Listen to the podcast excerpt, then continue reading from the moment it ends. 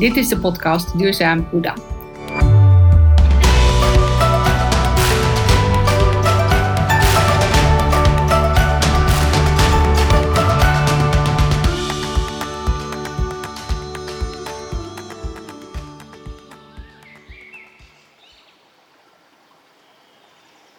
In deze podcastreeks leer je van experts hoe je succesvol duurzaam innoveert en transitie organiseert, zodat het sneller, beter, maar vooral ook leuker wordt. Voor het ecosysteem om je heen, maar vooral ook voor jezelf. Dit keer met de natuurgeluiden als achtergrond, als basis, als inspiratie. Heeft de natuur eigenlijk afval? Nee. Er is een systeem om ons heen, een grote inspiratiebron, die super efficiënt omgaat met energie. En elk restproduct van de ene is voeding voor de ander. Hoe zorg je voor verandering op grote schaal, zodat wij als samenleving ook afvalloos door het leven kunnen gaan? En ik doe ook heel veel, zoveel mogelijk eigenlijk met media. Um, vrij ver in het begin, toen, toen we net gestart waren met Zero Waste Nederland, uh, deden we een plastic attack, of eigenlijk twee. Dat betekent dat we met een grote groep mensen boodschappen gingen doen. Um, gewoon netjes betaald. En voordat we de winkel uitgingen, hadden we alle plastic verpakkingen eraf gehaald en in de supermarkt achtergelaten. Als signaal van wij als consument willen wel die boodschappen, maar niet al dat verpakkingsmateriaal wat ook ons door de strot wordt geduwd. Um, dat werd gefilmd en die filmpjes die gingen 3,5 miljoen keer de wereld over. Um, dat zorgde voor, al vrij snel voor heel veel bekendheid. Van hé, hey, hier is iets gaande, dit is een beweging. Uh, dit, uh, ja, er zijn dus meer mensen die uh, al die troep niet willen. Um, en, en dat zorgde ervoor dat heel veel mensen van ons hoorden en ook nieuwsgierig werden van hé, hey, wat, wat is daar gaande en hoe kan ik daar aan bijdragen? Um, dus dat werkt heel goed. Zichtbaar zijn in de media, dat mensen snappen waar je over gaat, wat je boodschap is. Um, en wat je doelstellingen zijn. Ja. En daarbij helpt eh, de naam ook wel. Het is wel een, een, um, een stip aan de horizon wat je daar eigenlijk al mee uh, kenbaar maakt. Van waar je naartoe werkt. Je hoort hier Elisa Pas, initiatiefnemer van Zero Waste Nederland. Zij laat zien dat het kan, inspireert een beweging richting afvalloos leven. Niet door dwang, maar juist vanuit verleiding en uitnodiging. Leven zonder afval ja, dat kan en ze bewijst het. Zeven jaar geleden stopte ze met nieuwe spullen kopen. Haalde haar groente en fruit voortaan uit de moestuin van haar vader en nam ze standaard haar eigen verpakking mee als ze naar de winkel ging. En hoewel mensen soms verbaasd opkeken als ze met haar eigen bakje bij de sushi-tent stond, beviel het haar prima. Als frontvrouw van Zero Waste Nederland adviseert ze inmiddels bedrijven, organisaties en overheden die ook zonder afval willen. Recycling? Dat is een mooie stap. Maar het zou nog beter zijn wanneer we de schijnwerpers scherper op preventie en consuminderen zouden zetten. Want wat er niet is, hoeven we ook niet te scheiden. Hoe je mensen verleidt tot groenere keuzes, ook daar vertelt Elisa uitgebreid over. Want zero wasters zouden geen eenzame pioniers moeten zijn, maar de nieuwe norm in een afvalvrije samenleving. Ik begon het gesprek met de vraag welk voorwerp voor haar symbool staat voor duurzaamheid. Het voorwerp wat ik heb gekozen is een vaasje wat ik heb van mijn oma, die daar niet meer is. Um, want je vroeg van een, voorwerp, voorwerp wat voor jou symbool staat, ook voor duurzaamheid. Um, en voor mij zit duurzaamheid niet zozeer in um, waar is het van gemaakt, of uh, kan dat gerecycled worden, of is het uh, ethisch geproduceerd. Dat zijn allemaal belangrijke vragen. maar waar we volgens mij veel te weinig naar kijken, is levensduur hoe lang gaan dingen eigenlijk mee? Ook hoe goed zorg je ervoor? uh, kun je er goed voor zorgen? Bijvoorbeeld bepaalde spullen, kun je ze überhaupt repareren? of zijn ze misschien juist gemaakt om snel stuk te gaan? Een beetje het tegenovergestelde daarvan. Ehm, dus ik denk dat we, als we op die manier naar duurzaamheid kijken, van hoe lang ben ik van plan om iets te gebruiken en kan dat ook? En kan ik me ermee verbinden? Welke waarde hecht ik daaraan? ik denk dat we dan uh, hele grote stappen kunnen maken. En dat dat ook eigenlijk is wat, wat nodig is. Dat we ja, weer terug naar die, uh, die waarden moeten gaan. Ja. En, die, en die dat vaasje symboliseert het dus ook in dit voor jou heel specifiek. Precies. Het staat ook op een mooie ja. plek, ga ik vanuit. Ja, En dat, dat zit dus niet alleen in de leeftijd die het heeft. Uh, het heeft ook een decoratieve waarde, maar ook gewoon de emotionele verbinding die ik daarmee heb en de herinnering aan mijn oma. Uh, die zorgt ervoor dat, uh, ja, dat, dat, dat ik daar heel zorgvuldig mee omga en, en dat het een bepaalde betekenis voor mij heeft. Ja, ja. Mooi, mooi voorbeeld, dankjewel in ieder geval. En ja, we hadden het al een beetje over van, goh, het is voor jou op een gegeven moment een, een tijd geleden begonnen in de zin van waarom nee, wat, wat was het moment dat je dat nog terug zou kunnen halen? Dat je van, oh, dit moet anders. Ik ga, ik ga het eens een keer op een hele andere manier aanpakken. Kan je dat, kan ja. je dat meenemen? Ja, uh, dat ging eigenlijk per ongeluk. uh, ik rol wel eens ergens in. um, ik stel mezelf altijd jaardoelen. En in 2015 was dat doel minder E-nummers gebruiken. Ik had wat medische klachten. En ik dacht, ik ga eens gewoon goed opletten. Wat zit er nou precies in mijn eten? Dus ik ging alle etiketten bestuderen en ik ging dan opzoeken wat al die nummertjes betekenden. En ik, schrok er een beetje van dat het heel veel was wat ik niet herkende. Um, ook heel veel zout en suikers in producten waar ik dat helemaal niet had verwacht. Dus, um, dus ik dacht, nou, ik ga eens gewoon wat vaker naar de markt en naar de moestuin van mijn vader. En dan ga ik uh, gewoon vers koken en dan heb ik al die E-nummers niet. Um, per ongeluk produceerde ik daar, daardoor veel minder afval. Uh, ongeveer de helft minder, want het bleek dus dat ongeveer de helft van mijn afval gewoon voedselverpakkingen waren. Um, en dat deed ik dus onbewust. Nou was ik altijd heel erg bezig met mijn afval goed scheiden. Uh, maar toen dacht ik, ja, als ik het met zulke simpele stappen eigenlijk al gewoon minder kan maken, dat ik veel minder te scheiden heb, ja, dat is eigenlijk veel slimmer. Um, en toen dacht ik, ja, als ik uh, dat is bewust ga doen, wat kan ik dan nog meer vermijden? Wat kan er dan nog meer uit mijn prullenbak wegblijven? Uh, en dat werd een zoektocht. um, eigenlijk een beetje een, uh, niet echt een zoektocht, maar meer een speurtocht op een, op een leuke speelse manier. Waarbij ik mezelf steeds uitdaagde van, oké, nu heb ik dit nog. Wat, wat bestaat er al voor? kan het ook wasbaar of herbruikbaar? En zo werd het een heel leuk, leuke ontdekking die een paar maanden duurde. En daarna was ik ja, zero waster geworden, per ongeluk, met een lege brullenbak. Maar je, kende je zelf die term toen ook al, de zero waster? Of is dat zo inderdaad tijdens de speurtocht voorbij gekomen? Nou, in het begin, na die eerste ontdekkingen, uh, raadde een vriendin van mij mij aan om Zero Waste Home, een boek van Bea Johnson, te lezen. Uh, een Amerikaanse vrouw met een gezin en een hond en een groot huis in Amerika, die uh, één zo'n wekpotje vol heeft met afval in een jaar tijd. Waarvan ik dacht, hoe dan? Um, dus toen dacht ik, nou, dus er zal vast iets slims in dat boek hebben geschreven. En uh, toen leerde ik over de principes van zero waste. En dat het heel erg gaat dus over refuse en reduce, verminderen en voorkomen en vermijden. En ook hergebruik, reuse. Um, en daardoor, ja, dat was zo logisch dat het voor mij, nou ja, gemakkelijk was om daar op voort te borduren. Um, en toen, dat was voor mij de eerste aanraking met de term zero waste. Ja. ja. Ik kende dat eigenlijk nog niet echt. En in Nederland was die beweging ook nog niet zo groot toen.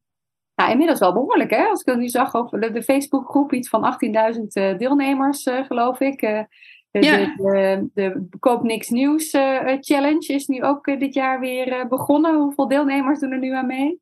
Nu 6000 mensen aan de Koop een jaar Niks Nieuws Challenge mee. Dus dat, dat lijkt dan minder, maar 6000 is nog steeds heel veel. Ja. Um, en, uh, en dat is dus een challenge van een jaar. Hè? Dus dat is niet even een maandje op de stop, stopknop drukken, maar gewoon echt een heel jaar jezelf uitdagen om niks nieuws te kopen. Ik had uitgerekend, als al die mensen uh, 20 kledingstukken minder in één jaar zouden kopen, dan zouden we iets van 100.000 of 114.000 kledingstukken niet gekocht. um, dus bereikt hebben dit jaar, of in een jaar tijd. Ja. Dus het, het gaat wel ergens over. Ja. Ja, als je het hebt over dat soort aantallen, het zijn natuurlijk ook wel ontzettende getallen. Ook als je het in kilo's of in volumes zou kunnen gaan uh, zich dat visualiseren, dan, dan zie je pas net hoeveel dat eigenlijk is. Uh, ja, precies. Van wat je kan voorkomen dan in dit geval. Leuk. Maar, en nog even terug naar die beginperiode, want je zegt al terecht, nou, een vriendin wees me erop, maar was het nou zo dat jij helemaal in een bubbeltje zat met alleen maar mensen die daar heel erg mee bezig waren? Of, of was, het, was jij daarin toch ook wel een beetje de, de pionier in dit geval. En, hoe had je die gesprekken? volgens. De, de Lone Nut. ik heb een keer een, film, een, filmpje van iemand toegestuurd gekregen van dit ben jij. En dan zie je iemand die in, in zijn eentje heel wild aan het dansen oh, is in, in, een, in een heel timide publiek. Ja. Ik voelde me best een beetje de lone nut, de, de, de eenzame pionier, zeg maar. Uh, maar ik had mezelf heel vast voorgenomen van ik ga dit gewoon proberen. En uh, ik vind het leuk om met mezelf gedragsexperimenten te doen. Dus misschien een klein linkje naar, uh, ik ben eigenlijk psycholoog van achtergrond. Ja. Um, ik geloof niet zozeer in bewustwording aan zich, maar wel in gedragsverandering, omdat ik zelf dus gedragsveranderingsexperimentjes met mezelf doe. Um, en, uh, en zo zag ik dit ook. Ik dacht, ik ga het gewoon proberen en kijken wat ik tegenkom. Wat voel ik daarbij? Voel ik me op mijn gemak of voel ik me juist misschien een beetje beschaamd als ik dan in mijn eentje met een bakje sta van uh, meneer mag deze sushi in mijn bakje. um, dus dat soort ja, ervaringen wilde ik gewoon gaan opdoen. Gewoon zien wat kom ik technisch tegen. Mag het of niet? Of er zijn er hygiënebezwaren? Uh, hoe reageren andere mensen en ook hoe voel ik me daarbij. Uh, en door, gewoon door dat te gaan proberen, maak je ook dingen zichtbaar en bespreekbaar. Um, en kreeg ik navolging. Geweldig, dus... want je doet wel heel mooi dat je jezelf ook inzet als experiment. Van de gevoelens die jij mm. hebt, die, die zullen niet zo heel vreemd zijn ten opzichte van een ander. Die, die zal dat waarschijnlijk vergelijkbaar hebben. Ik ken het wel ook net heel erg met naar de bakker gaan, inderdaad, met een met mijn eigen broodzak. En uh, eigenlijk een beetje beschaamd dat, dat, dat bevragen. En, ja. en vervolgens eigenlijk de reactie krijgen: oh nee, fijn. we, zijn ook, we zijn ook bezig met nieuwe verpakkingen, maar we moeten eerst deze nog opmaken. En dan kunnen we door naar papier. Weet je wel, zo dat ze op die manier bezig zijn. Precies, maar, ja. Dat, zo voelde jij dat in het begin ook. Dat je op die manier dat ook bent gaan ervaren. Ja. Wat doet dat dan? Ja, en ook om te snappen van waarom zijn wij hier als maatschappij eigenlijk nog niet zo mee bezig? Waarom is dit eigenlijk spannend? Um, en, uh, en dan kun je dus ook meer destilleren van wat zijn eigenlijk die weerstanden die uh, andere mensen voelen, waarom ze dit nog niet doen. Uh, heel vaak wordt er geredeneerd, en dat is ook wel uh, hoe we in het grotere plaatje naar duurzaamheid kijken. er zijn al heel veel technische oplossingen. Mensen moeten het alleen nog even gaan doen. Maar dat gewoon nog even gaan doen. er zitten dus allerlei psychische barrières. Eh, sociale barrières. Hè? Dus als niemand anders dat doet, ja, uh, het is best spannend om in je, e-, als eerste in de wijk een groen dak op je, op je schuurtje te leggen. Of als eerste in de wijk zonnepanelen te nemen. Of als eerste in de wijk te kiezen voor, noem maar wat, een elektrische auto of zo. dus het is heel spannend om iets als eerste te doen. Um, dus we moeten veel meer inzetten op normverandering, uh, op uh, systeemverandering, dingen gemakkelijker maken, dingen goedkoper maken, voor de hand liggend maken, uh, niet meer standaard dingen weggeven. Dus als, je, als we echt de default kunnen veranderen, dan kan de massa daar heel gemakkelijk in meegaan. Mensen doen heel graag wat de bedoeling is. Mensen doen heel graag wat van hen verwacht wordt. Nou, als we daar rekening mee kunnen houden en dat soort uh, kennis ook kunnen toepassen op duurzamer gedrag, dan denk ik dat we veel verder uh, komen dan alleen maar richten op, nou ja, dit is de technische oplossing, dit is de duurzaamste, dit is de laagste impact en doe het maar gewoon. Want doe het maar gewoon, dat is dus niet zo simpel. Ja, nee, we hadden het net wel mooi. We hadden het in het voorgesprek ook al over bewustwording. Dat is eentje die ik ook veel gebruik. Maar terecht zei jij ook, maar bewustwording is dan hè, zeg maar even bewust onbekwaam. Maar daar ga, je, daar ga je het gedrag niet mee veranderen. Dus jij benoemt nu al een paar mooie, hè, nudging bijvoorbeeld, of, uh, of net zorgen dat, dat de keuzes makkelijker zijn. En dat je daarmee uh, wordt, wordt uh, gestuurd, noem ik het dan maar even. Kan je net dat soort voorbeelden geven van hoe, op welke manier je dat dan invulling geeft door te zorgen dat die gedragsverandering ook daadwerkelijk ja. gebeurt. ja, um, ja, dus uh, een van de redenen waarom ik niet zo, niet zo blij word van, van bewustwording, is dat bewustwording eigenlijk uh, niet zo'n supergoeie voorspeller is van daadwerkelijk gedrag. Mensen kunnen zich heel lang bewust zijn, bijvoorbeeld dat roken slecht is, en nog steeds een sigaret opsteken. ja. ja. Um, dus hoe, hoe doe je dat nou eigenlijk om dat dan te veranderen? Nou, dat kunnen bijvoorbeeld prijsprikkels zijn. Wat een hele effectieve was in de supermarkt, is dat een, uh, een tasje bij de boodschappen niet meer gratis weggegeven mocht worden. Dat zorgde voor 80% minder weggegeven tasjes. Um, Een ander goed voorbeeld voor consumptiegedrag is bijvoorbeeld ehm, dat er geen standaard reclamemateriaal meer in je brievenbus wordt gegooid, behalve als je zelf een ja-sticker erop plakt. Ehm, dus niet nee, nee, want dan moet je actief het afzeggen. Uh, maar gewoon dat je standaard niet meer krijgt en dat je dan zelf de ja-sticker moet plakken. Zorgt ook voor 80, 85 procent minder reclamefolders. Uh, maar ook veel minder koopverleiding van spullen die je eigenlijk helemaal niet van plan was om te kopen. Um, het, het, is dus eigenlijk allemaal niet zo heel erg moeilijk. Maar wat je dus eigenlijk moet doen is de, is, is, uh, de standaard omdraaien. Um, en dan, nou ja, dan bereik je dus 80, 85 procent verbetering. Ja. Iets wat wij doen met, uh, met Zero Waste Nederland is uh, bijvoorbeeld ook nudging. We hebben een raamsticker met daarop neem gerust je eigen verpakking mee. Uh, ik merkte zelf dat ik me dus soms best wel bezwaard voelde als ik naar een winkelier ging van ja, ik wil dat product in mijn eigen verpakking. Mag dat?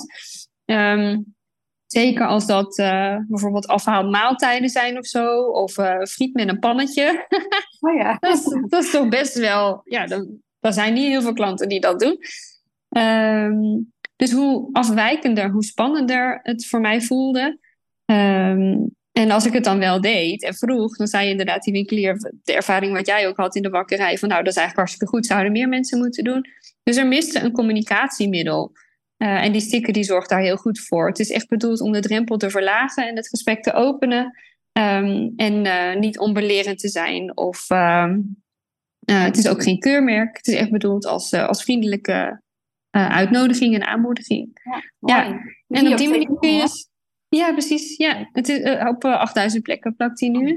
Ja. En hij is, hij is dus echt ook ehm, bedoeld om een beetje op het, op het emotionele niveau in te spelen. Om mensen gerust te stellen. Om, om die spanning er een beetje af te halen.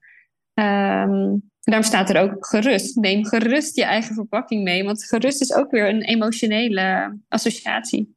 Ja, ja want de zin uh, neem je eigen verpakking mee, dat is toch wel echt een andere zin. Precies. Ja, die voelt dat toch wel wat uh, dwingender. Dus dat uh, is dat toch weer een andere emotie. Ja. Dus het, het, het, zijn hele mooie voorbeelden over hoe je het dus de combinatie ook maakt met, met de psychologie. In dit geval ook het geruststellen of, of het, de drempel verlagen dan in dit geval Um, en, ik, en jullie doen ook um, uh, wandelingen door, uh, door de. Ik ben de naam kwijt, eerlijk gezegd. Van door, door de stad, een soort proefwandeling. Nee, het heet anders. Het is een Zero Waste. Ja, Zero Waste wandeltours doen we. Ja, ja. ja. Het is een beetje een toeristische tour door je eigen woonplaats. Uh, waarbij je dus kunt ontdekken waar en hoe je verpakkingsvrije boodschappen doet. Dat zet deels in op het kennisniveau. Dus gewoon letterlijk de adresjes kennen. En wat verkopen ze daar dan? Uh, maar er zitten nog meer aspecten aan, zoals je nu dus een beetje van mij leert kennen. Ja, uh, we werken met voorbeeldgedrag. Dus er is een lokale held van ons, een lokale gids, die, uh, die dan de groep mee op tour neemt. Um, en dat is iemand die het dan ook voordoet. Dus dat, die persoon die neemt dan ook eigen bakjes mee en die gaat dan naar, noem maar wat, een delicatessenzaak en die zegt, nou mag ik dat product in mijn bakje? Dan kun je het zien, dan kun je het ook nadoen. Mensen zijn net apen. uh, het liefste wat we doen, de gemakkelijkste manier van nieuw gedrag aanleren, is kopiëren. Ja. Dus als je ziet dat iemand anders dat doet, en het liefst iemand die een beetje op jou lijkt, qua leeftijd of uh, geslacht, of hè, dus uh, iemand waarvan je in je kunt verplaatsen, um, dan denk je, oh, nou, dat kan ik eigenlijk ook wel. Zo moeilijk is dat niet. Dus dat werkt heel goed. Plus wat ook werkt, is um, dat je met een groep bent uh, en dat je dus ook um, mensen ziet en daarmee spreekt die in precies dezelfde situatie zitten zoals jij. Uh, mensen die, um, die het ook anders willen, maar niet weten hoe. Um, je hebt hele interessante, toffe gesprekken. Je hebt een gevoel van verbinding in community. dus op die manier kun je ook weer uh, je eigen gedrag in een veilige setting verkennen en een nieuw gedrag aanleren. Ja, Mooi, mooi. Dus het, elementen zitten er dus ook gewoon in. En de grap is, jij toevallig uh, was vorige week hier in Den Bosch en toen was er even, uiteindelijk is het niet doorgaan helaas, maar dat willen we nog wel gaan herhalen om met iemand, een, met een organisatie waar ik mee samenwerk, uh, zijn we juist bezig met dit soort uh, elementen rondom gedragsverandering. En toen zeiden we, weet je wat, we hebben elkaar lang niet meer live gezien.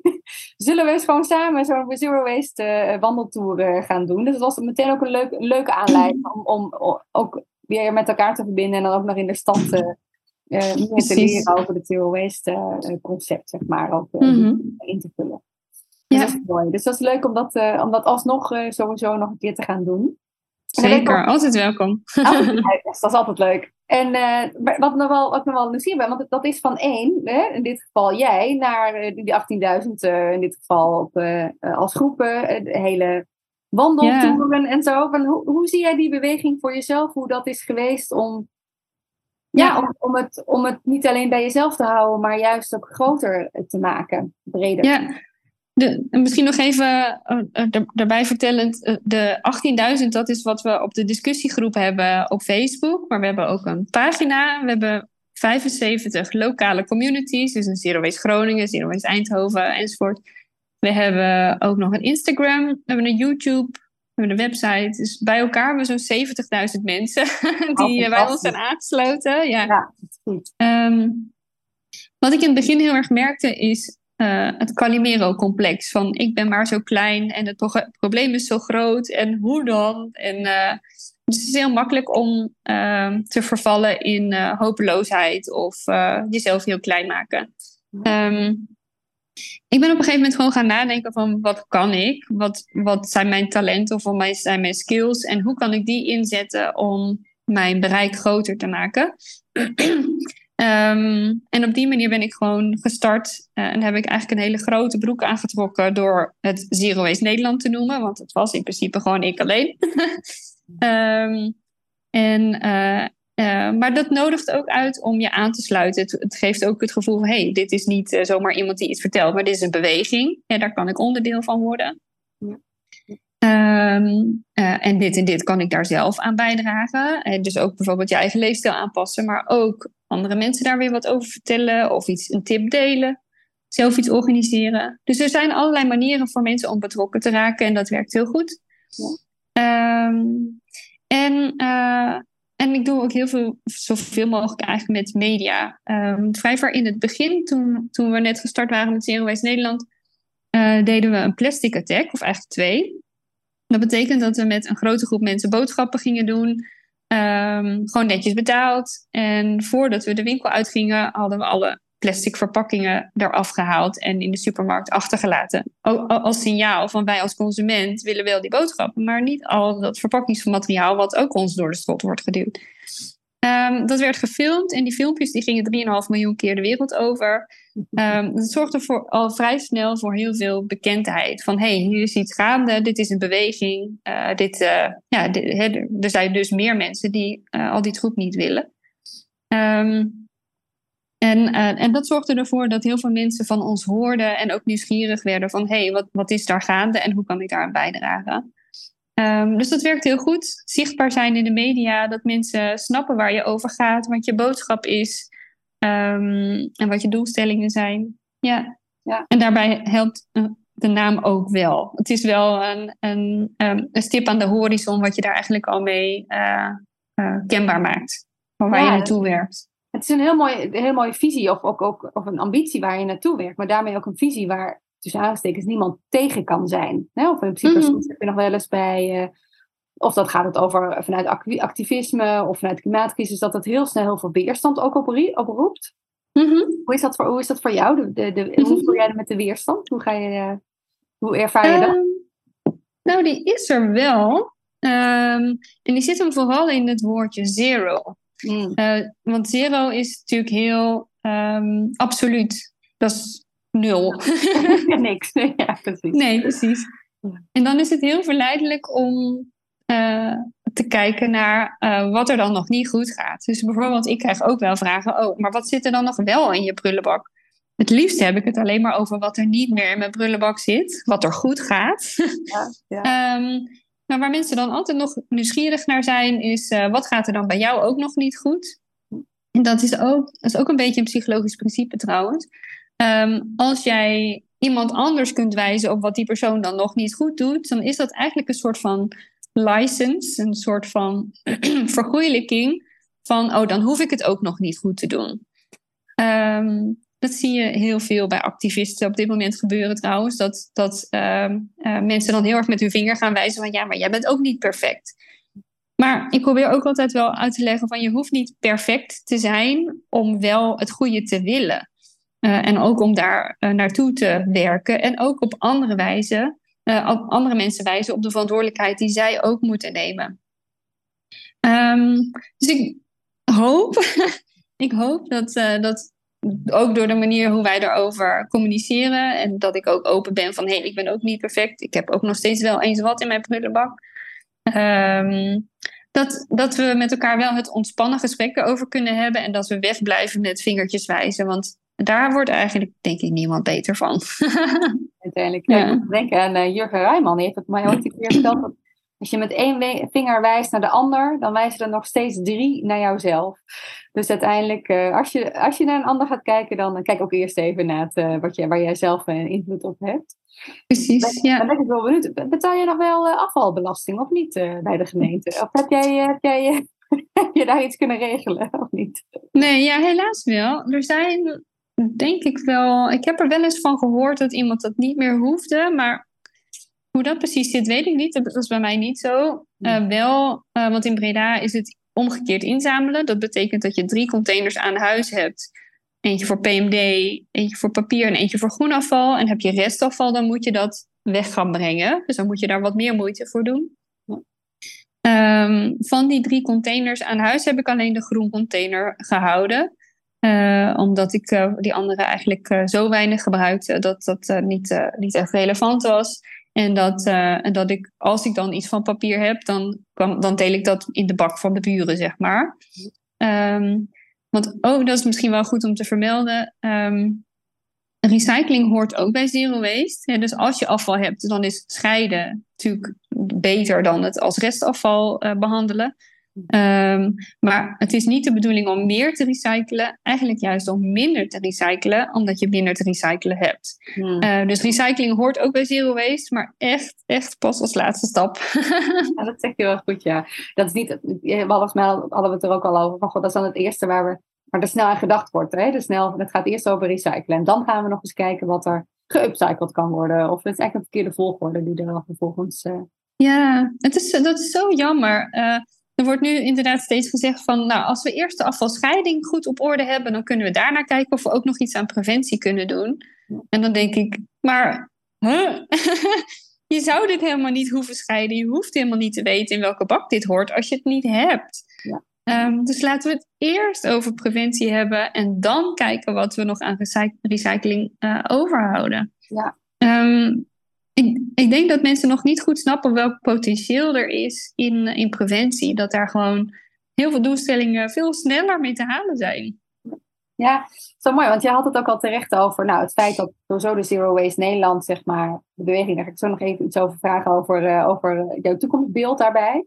Maar, mm -hmm. uh, maar je geeft ook advies, eh, natuurlijk veel lezingen ook, trainingen, maar ook veel advies ook voor uh, ondernemers, bedrijven of organisaties.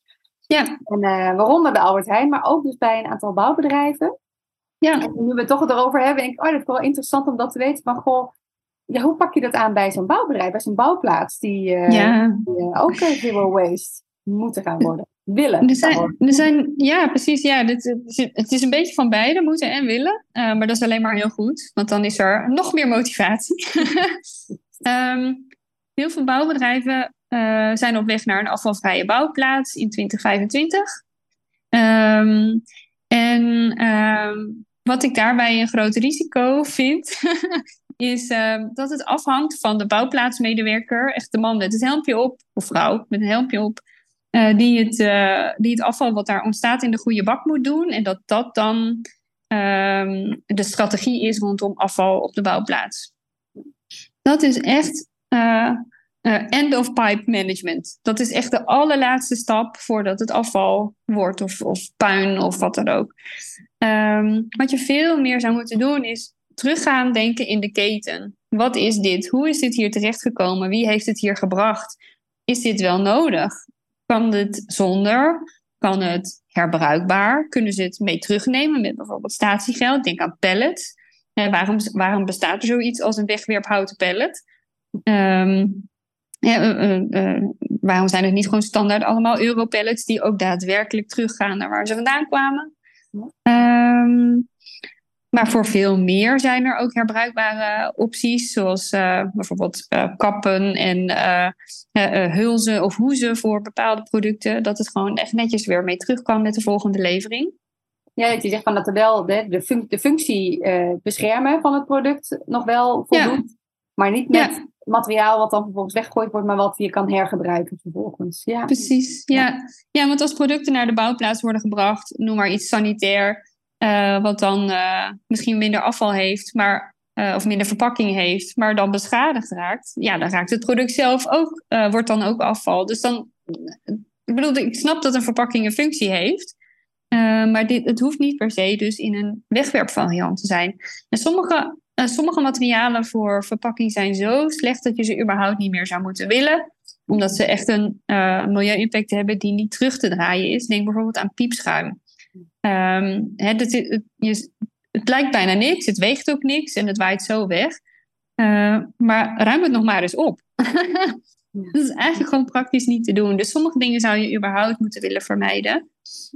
En wat ik dan met ze doe, is dat ik echt in gesprek ga uh, met, uh, met die bouwbedrijven zelf, maar ook hun leveranciers. Um, dus dan um, uh, brengen we ze bij elkaar en dan bespreken we: oké, nou, dit is onze doelstelling. Wij willen geen afval meer op de bouwplaats. Hoe kan jij daar met jouw product aan bijdragen? Wat kunnen we afspreken? Wat kun je retour nemen? Wat kun je herbruikbaar maken? en op die manier versterk je ook de relatie tussen de leverancier en het bouwbedrijf. en kun je samen ook nou ja, bouwen aan een uh, afvalvrije bouwplaats. Ja. Mooi, mooi. Is er in een van die bijeenkomsten jou iets opgevallen dat iemand, uh, wij spreken echt in het begin het allemaal maar niks vond en uiteindelijk helemaal omging? Of, of een ander voorbeeld? Ja, ik heb laatst met een bouwbedrijf een, een terugkomstsessie gedaan van een eerdere bijeenkomst die we hadden ter inspiratie. Uh, en daarbij, daarbij werd ook de vraag gesteld van wat hebben jullie in de tussentijd veranderd? En ook van een partij waar ik dat helemaal niet had verwacht. Die hadden in de tussentijd echt flinke stappen gezet. Um, uh, uh, gewoon omdat ze daar zo over aan het denken waren gezet. van hé, hey, ah, hm, kan eigenlijk ook wel anders. die waren dat gewoon daarna uit eigen beweging gaan doen. Daar, daar was ik wel, daar werd ik heel blij van. Ja. ja. Oh, goed zo. Dus net de onverwachte ja, voorlopers dan in dit geval. Of in ieder geval het echt ja. verpakken. En integraal zo te horen. Niet één persoon, maar uh, als, hele, als hele organisatie. Uh. Precies, ja. En als keten. En uh, ja, heel veel bouwbedrijven. Um, en je hebt ook vaak bouwondernemingen die dan weer met onderaannemers werken. Dus, ehm, of soms ingehuurd personeel. Dus je bent zo van elkaar afhankelijk. En zonder samenwerking ga je dit, ga je dit niet redden.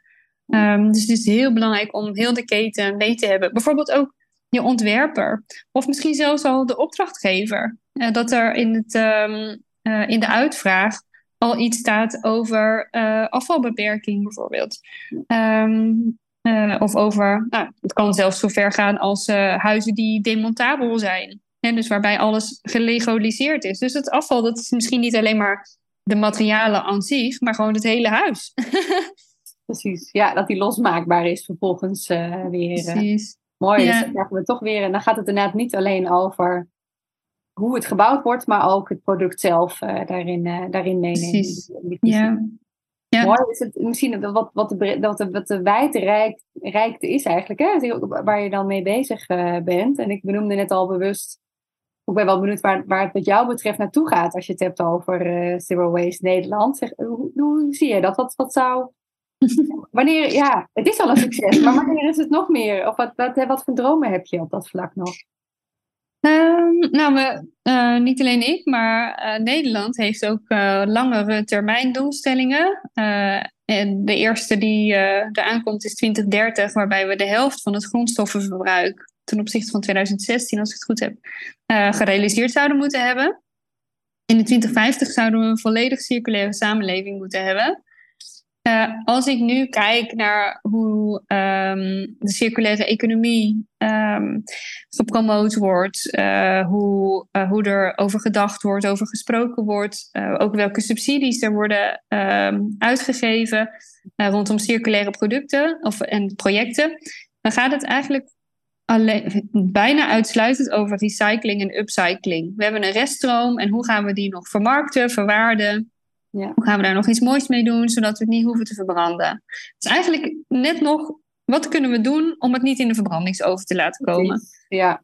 Ehm, maar echt die stappen richting preventie, min, consuminderen, gewoon überhaupt minder gebruiken. Um, meer richting hergebruik. Uh, die stappen zijn, worden nog veel te, te weinig gezet, ook te weinig beloond. Um, en ik denk dat, uh, dat nou ja, omdat wij daar zo op blijven hameren, steeds de discussie proberen te openen over: oké, maar ja, dus leuk dat je dit nu upcycelt, maar kan dit ook gewoon überhaupt zonder? Ja. Um, daar, daarmee proberen we wel de aanjager te blijven zijn van een echt circulaire economie. En een, in een echte circulaire economie gaan veel minder materialen rond.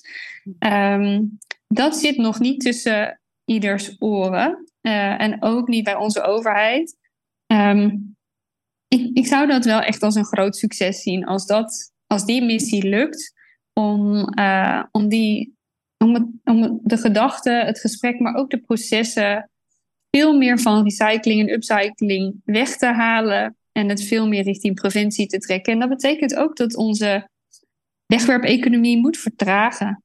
Uh, dat, dat is best lastig. Op dit moment gaat alles zo snel. Spullen worden uh, zo snel afgedankt. Uh, uh, collecties in, in kledingwinkels bijvoorbeeld, die gaan alleen maar sneller en sneller. Um, dus het, het vertragen in een versnellende economie, dat is best wel nog een uitdaging. Maar ik denk wel dat, dat het onze meerwaarde is. En als we daarbij in de buurt komen, dan, dan ben ik heel tevreden. Ja. je zegt dan heel mooi, het gaat dan ook over, vertragen. Um, en zou je daarin een, een, overeenkomst zien in de acrobatiek die jij doet uh, um, met, jou, uh, met, jouw lijf? Hè? Met, uh, yoga acrobatiek, als ik het goed heb. Dus dat is, zo zie ik het ook, dat dat ook een beetje gaat over vertragen. Maar zie je dat zelf ook zo of niet? Um?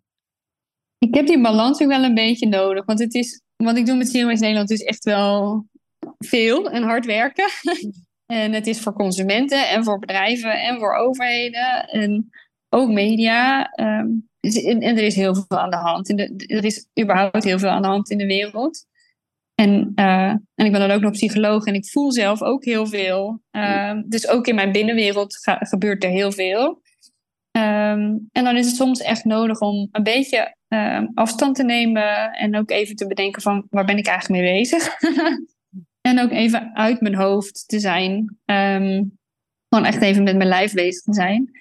En het type yoga wat ik dus doe, dat is acrobatische yoga. Acro-yoga heet het. En, um, en dat, is, dat vraagt zoveel fysieke concentratie, dat je heel erg met je lijf bezig bent, dat het bijna niet lukt om in je hoofd te zijn. En dat is heel fijn. dat is ook wel een beetje wat ik nodig heb. Ja. ja, ja. Um, om gewoon te voelen en samen te zijn, samen te werken, ook met anderen. En um, ja, echt even een, uh, even een stapje opzij te maken. Ja. ja. Dus het is voor mij heel, uh, heel helend. Ja, dat is mooi, want dat is, als ik dan die symboliek inderdaad, uh, zoals wij als maatschappij inderdaad, dat je het soms ook even uit je hoofd moet halen en letterlijk naar je lijf moet brengen of vanuit het zijn en het nu. En, uh, en, de focus op de balans en de samenwerking dan in dit geval ook, uh, ook pakt. Dus dat mhm. ken je dan ook, gelukkig wat dat betreft. dus, uh, ja. En als, we, als ik die link, want ik wil, vind het ook heel leuk om de link naar, naar de natuur te maken. Als je jezelf, ja toch, het bezige bijtje noem ik je al, maar in ieder geval als je jezelf zou kunnen vergelijken met een, met een natuurfenomeen. Wat zou dat dan zijn? Als je, dus als een dier of, of juist iets in de natuur hoe ervaar je jezelf op dat vlak?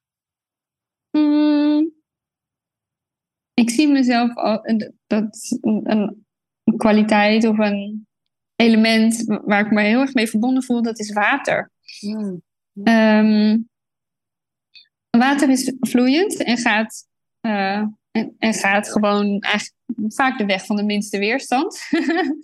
uh, maar ondertussen um, is water een van de sterkste elementen. Het kan heel veel vormen hebben. Het kan vloeibaar zijn. Het kan ook gas of juist een vaste vorm zijn. Um, net wat er nodig is. Of net waar de omstandigheden toe dwingen. Um, Maar water ehm, kan ook ehm, eh, hele bergpassen uitslijten. Uh, kan ehm, hele uh, diepe, ja, hoe zeg je dat, hele diepe veranderingen in het landschap brengen. en water is overal. Zit ook in ons. ik, ik denk dat dat ook een beetje is zoals ik mezelf zie. Ik hou niet zo van weerstand. Ik ben niet bijvoorbeeld een aarde- of vuurtype. Um, maar ik kijk juist waar zit de beweging? Waar worden mensen door gemotiveerd? Hoe kan ik ze raken? Hoe kan ik ook in hun binnenwereld een beetje komen, waardoor zij misschien iets anders gaan doen? Um, dus ik, als je me vraagt van wat voor, wat voor iets in natuur ben jij, dan denk ik dat dat dat dat daar aan raakt. Ja. Mooi, mooi. Nee, heel passend net. Zoals ik jou inderdaad zo zie en, uh, en ervaren, voel ik me helemaal op dat vlak. Jij zegt al terecht hè, van, goh, op welke manier pak je dat dan aan? Hè, door middel met jouw lezing onder andere ook. Um, je zegt ook al van, goh, daar gebruik ik ook elementen voor natuurlijk vanuit de klimaatpsychologie. Mm -hmm. uh, of sowieso de psychologie. En een, een van de elementen was uh, in ieder geval altijd bij jezelf houden. Kan je daar wat advies over geven over mensen die inderdaad in gesprek met anderen een grotere beweging willen creëren. Wat, wat moet je dan zeker wel doen? Buiten dan wat je ook niet moet doen, maar uh, wat moet je wel doen? Ja. Nou, waar, waar ik over ga, dat is verandering. ik vraag mensen om iets te veranderen, wat ze iets te doen of niet te doen, wat, wat in de huidige situatie anders is. Dat levert altijd weerstand op. Dat is, dat is niet te voorkomen. Nou ben ik best een conflictmijdend type. dus hoe, hoe pak je dat nou aan? Dat je wel wil dat die ander iets verandert, maar niet dat die ander gaat zeggen: ja, maar jij doet het ook niet goed. Of oh, maar dat is moeilijk. Of oh, dat kan nog niet, want bla bla bla. Of dat is te duur, enzovoort. Ehm, wat daarbij heel goed helpt, is om het bij mezelf te houden. Daarom vind ik dat een van de redenen waarom ik het belangrijk vind om zelf alles voor te leven. Maar ook omdat ik dan uit eigen ervaring kan vertellen. Um, dus bijvoorbeeld, um, ik zal niet tegen een ander zeggen van... hey, uh, het is niet goed dat jij een plastic flesje gebruikt. ik zeg gewoon, ik heb deze fles en daar ben ik zo blij mee. Ik heb de rest van mijn leven garantie erop. Ik weet dat die geen microplastics aan mijn, aan mijn water afgeeft. Dus nou, ik voel me hier echt heel fijn bij. Um, en ik word hier blij van. Dat valt niet te ontkennen. Iemand anders kan niet zeggen dat ik daar niet blij van word, want ik word daar blij van. Ik vertel vanuit mijn eigen ervaring. Uh, ik koppel het altijd aan positieve, positieve dingen. Niet eens dat ik het voor het milieu doe, maar echt dat ik het voor mezelf doe, omdat ik er blij van word. Um, en dan krijg je zo weinig weerstand. Ik vraag me wel eens af, is het wel goed dat ik zo weinig weerstand krijg? Want schuurt het dan genoeg? um, maar het werkt wel. En je trekt ook mensen meer aan met, met iets positiefs dan met iets negatiefs natuurlijk. Um, ik vertel ook wel eens, ik, ik wil eigenlijk dat fijne feestje zijn wat je in de verte hoort. Van hé, hey, daar is iets gezelligs aan de hand. En, en wat is dat? En oh, ik ben nieuwsgierig. Of hoe, hoe word ik uitgenodigd? ik wil daar ook heen. ja, dat, is eigenlijk wat je, wat je wil. Je wil um, niet mensen ergens naartoe dwingen. En je wil ze ergens toe verleiden, uitnodigen. En dat werkt dus ook heel goed om vanuit je eigen ervaring te vertellen. Ik vertel altijd in mijn presentatie wat, wat mijn why is. Uh, waarom ben ik hiermee begonnen? Wat raakt mij hierin? Waarom word ik hier blij van? Uh, wat, wat heb ik tot nu toe bereikt? Um, soms vraag ik me dan wel af, gaat het niet te veel over mij? Uh, want het is niet ik in mijn eentje die dit doet, het is een hele beweging. maar het werkt wel goed. Ook omdat mensen er gezicht bij hebben, kunnen zij zich um, uh, daartoe verhouden. Uh, uh, het is een mens waar, waar je in kunt herkennen of niet.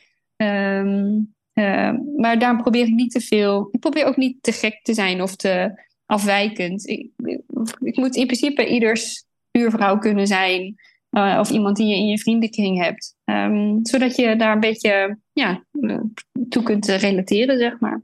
Ja. Mooi, en dan geef je al iets heel moois mee. Hè? In ieder geval van, vertel het verhaal vanuit, je, vanuit jezelf. Dus dat sowieso. Dus dat het ook iets is waar je ook niks tegen kan uh, inbrengen wat dat betreft. En, uh, en ook vanuit je eigen emoties ook daar, dat, dat te doen.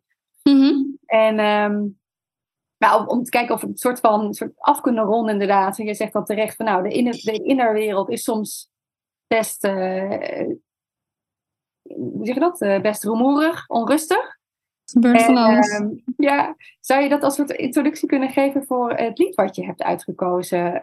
om nog een soort laatste kernboodschap mee te geven aan de luisteraar die zich ja. uiteraard verbonden voelt met jou, maar ook zelf daar nog stappen in te zetten heeft.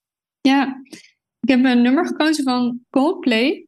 Um, het van het eerste album. Uh, toen was ik 17 volgens mij toen het uitkwam. Een tijd waar je sowieso al, waar er van alles ook in je gebeurt. Bij mij in ieder geval. Hoop hormonen en emoties. Um, en dat hele album raakte mij zo erg. Um, dus dat, dat heeft een soort van uh, ja, wel betekenis gehad in mijn opgroeien, zeg maar, in mijn volwassen worden. Um, in dit nummer wordt gezongen over dat we in zo'n mooie wereld leven. En dat voel ik ook heel erg. En toch is het best een heel melancholisch nummer. Het, is ook, het heeft ook iets, iets traags. Er zit ook een beetje verdrietige klank in. En dat is ook wel een beetje wat ik nu voel. Van er is zoveel moois, maar laten we er alsjeblieft, alsjeblieft veel beter voor gaan zorgen. Um, het nummer heet Don't Panic. Uh, ook wel een thema wat ik herken van de afgelopen periode voor mij.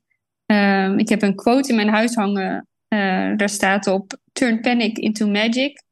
Um, omdat je ook als je negatieve emoties voelt, um, die kunt gebruiken, kunt inzetten om iets positiefs teweeg te brengen. Uh, het heeft er bijvoorbeeld ook voor gezorgd dat ik me meer durf uit te spreken. Want ik voel dat er iets te verliezen is.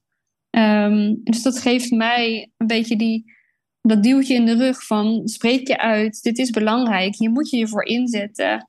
Uh, dus turn panic into magic en don't panic eigenlijk ook een beetje. Dat is, uh, dat is waarom ik uh, dit nummer heb uitgekozen. Ja. Super, dankjewel Elisa. En wij blijven elkaar volgen. En ik uh, ga zeker nog een uh, rondje wandelen door, door de stad. Om het ook echt zelf te gaan ervaren. En met de lokale ondernemers daar verder nog over in gesprek. Maar voor nu in ieder geval heel erg bedankt. En, ja, ook bedankt. voor het fijne gesprek. Ja, ja, fijn. En geniet van het buitenleven. Komt goed. Dankjewel. Super dat je weer luisterde naar de podcast Duurzaam Hoe dan? Wil je meer weten over Elisa, Zero Waste Nederland? Zie dan de linkjes in de show notes of op www.jetsketiele.nl slash podcast. Voor mij weer een goede reminder om beter te kijken naar waar ik mijn producten vandaan haal. En het sterkt me ook dat het goed is om de persoonlijke verhalen te blijven vertellen. Doe je mee? Ik daag je uit. Abonneer je vooral op deze podcast, zodat ook andere mensen makkelijker deze inspiratie kunnen vinden. Of stuur het door naar iemand. Wat neem je mee uit het gesprek? Ik ben benieuwd. Stuur me dan een berichtje via Instagram of via LinkedIn. Vind ik altijd heel erg leuk. Wil je een stapje verder? Wil je invloed hebben op de vragen of zelf suggesties doen voor gasten? Word dan een onderdeel van het Duurzaam Vlechtwerk Netwerk. Door het vernieuwde Inspiratiemagazine te downloaden en opgenomen te worden in de appgroep. Ga daarvoor naar www.jetsketiele.nl slash podcast. Dan wil ik je heel erg bedanken weer. En tot de volgende.